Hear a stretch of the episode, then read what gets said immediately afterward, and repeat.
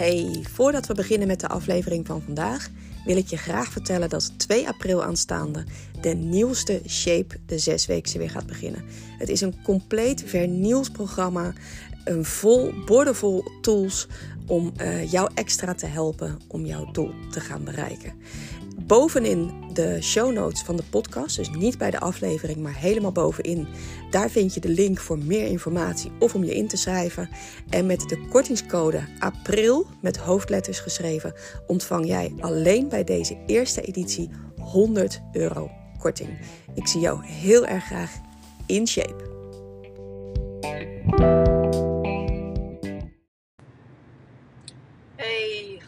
Dag. Super leuk dat je weer luistert naar volgens mij inmiddels aflevering nummer 55.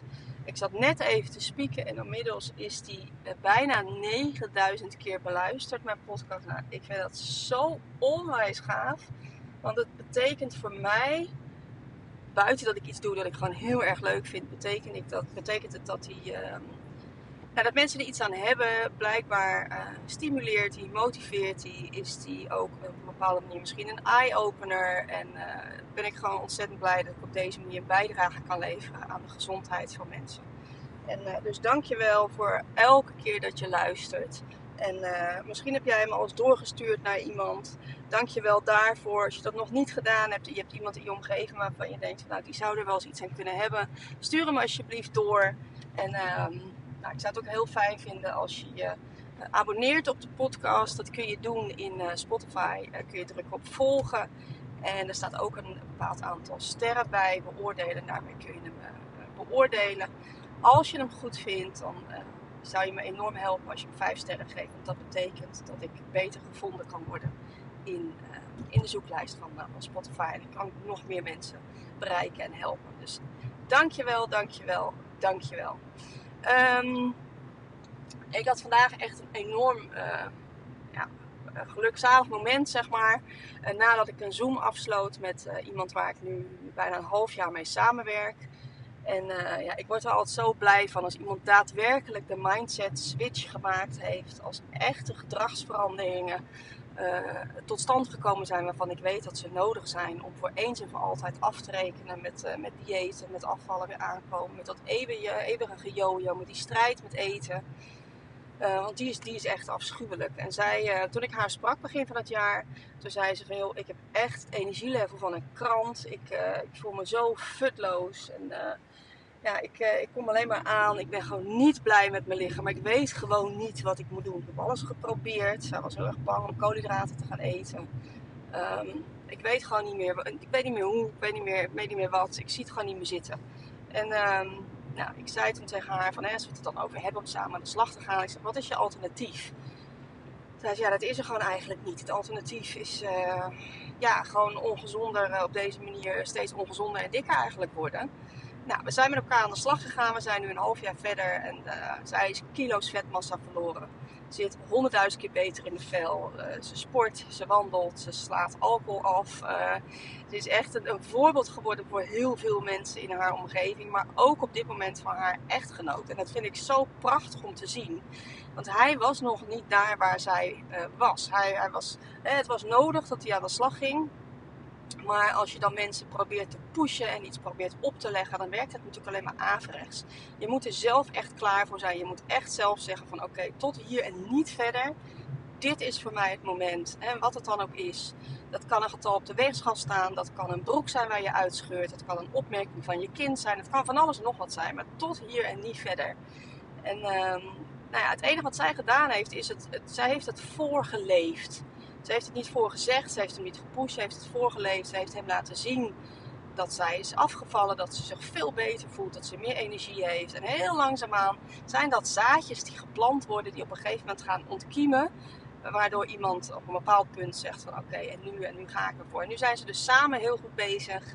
En uh, ja, zij geven daarin dan natuurlijk ook een fantastisch voorbeeld aan hun kinderen. Hè? Want uh, vergis je niet hoe die kijken naar wat je doet. Je kunt tegen je kinderen zeggen: je moet gezond leven, je moet gezond eten en overgewicht is niet goed. Maar als je zelf het tegenovergestelde doet, dan zal dat kind onbewust denken: van ja, uh, papa mama, mooi verhaal. Het kind leert het meeste van wat je voor doet en niet wat je voor zegt.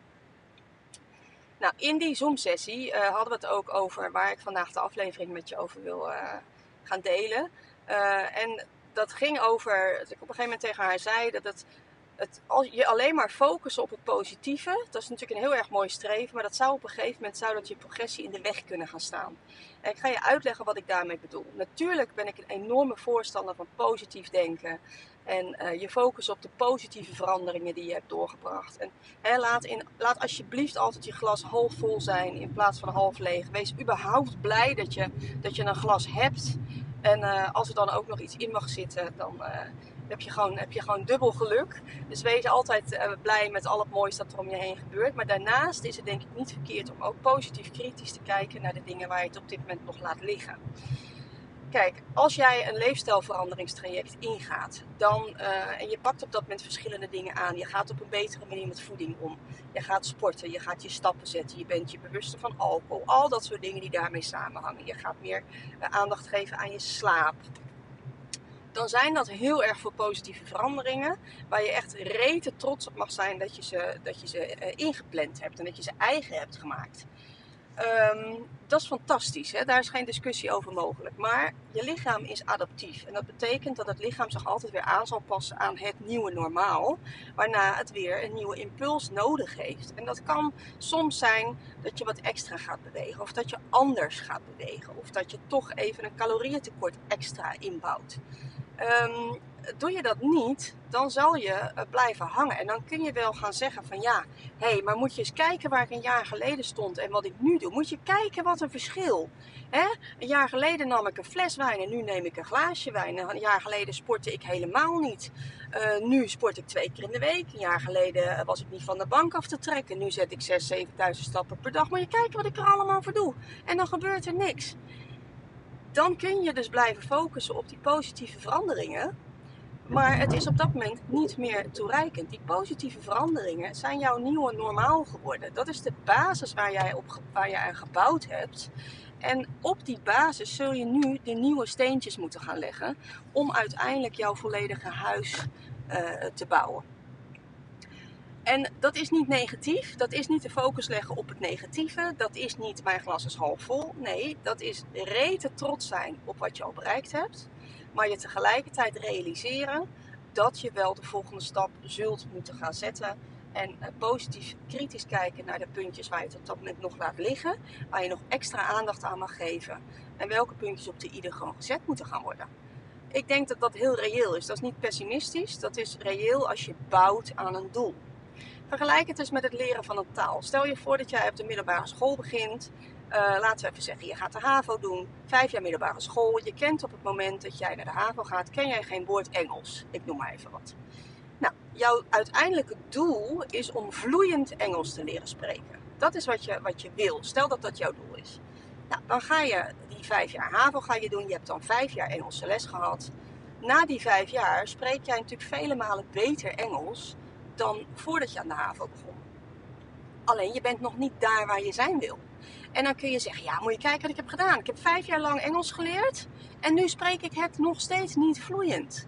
Nee, je hebt een nieuwe basis gelegd. Vijf jaar Engels op HAVO-niveau is jouw nieuwe basis. Dat is jouw nieuwe normaal geworden. Dat heb je je eigen gemaakt.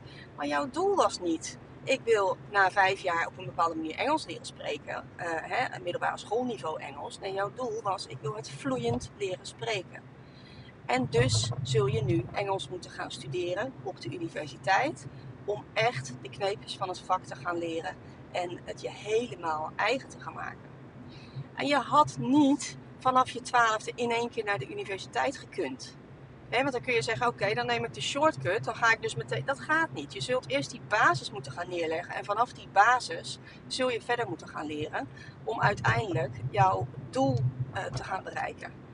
En um, zo werkt het ook in een, in een leefstijlveranderingstraject. En weeg jij nu 100 kilo en jouw doel is 90 kilo behalen en dat heb je met de eerste veranderingen heb je dat bereikt, dan is dat natuurlijk helemaal goed. Ik bedoel, je hoeft niet altijd next level.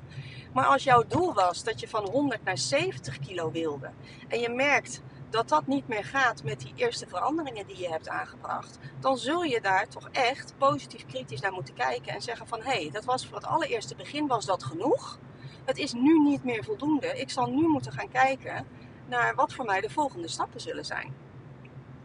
Ehm, en ik denk dat dat een hele gezonde manier is van, van je progressie bewaken. Van kijken wat op dat moment nodig is.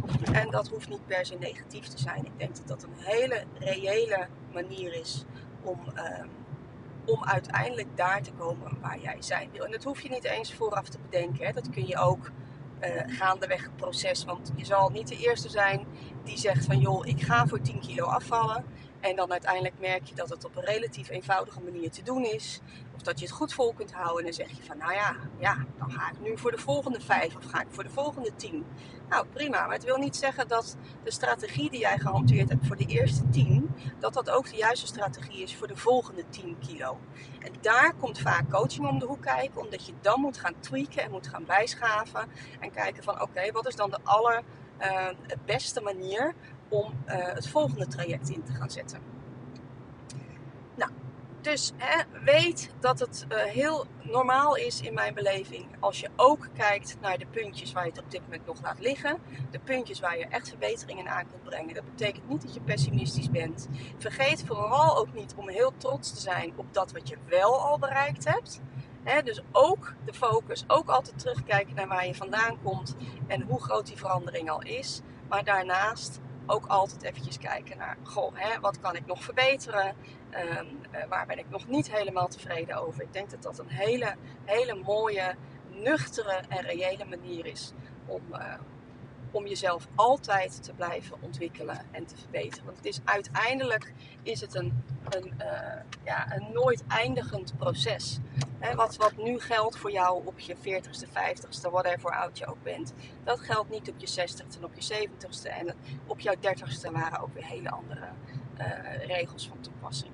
Dus blijf daarin altijd positief kritisch. Terwijl je toch ook heel erg trots bent op iedere verandering die je hebt doorgemaakt. Dat wilde ik je meegeven voor vandaag. Dank je wel weer voor het luisteren. En uh, ik hoor je heel erg graag. Nee, je hoort mij heel erg graag in een volgende aflevering. Tot dan. Doei doei.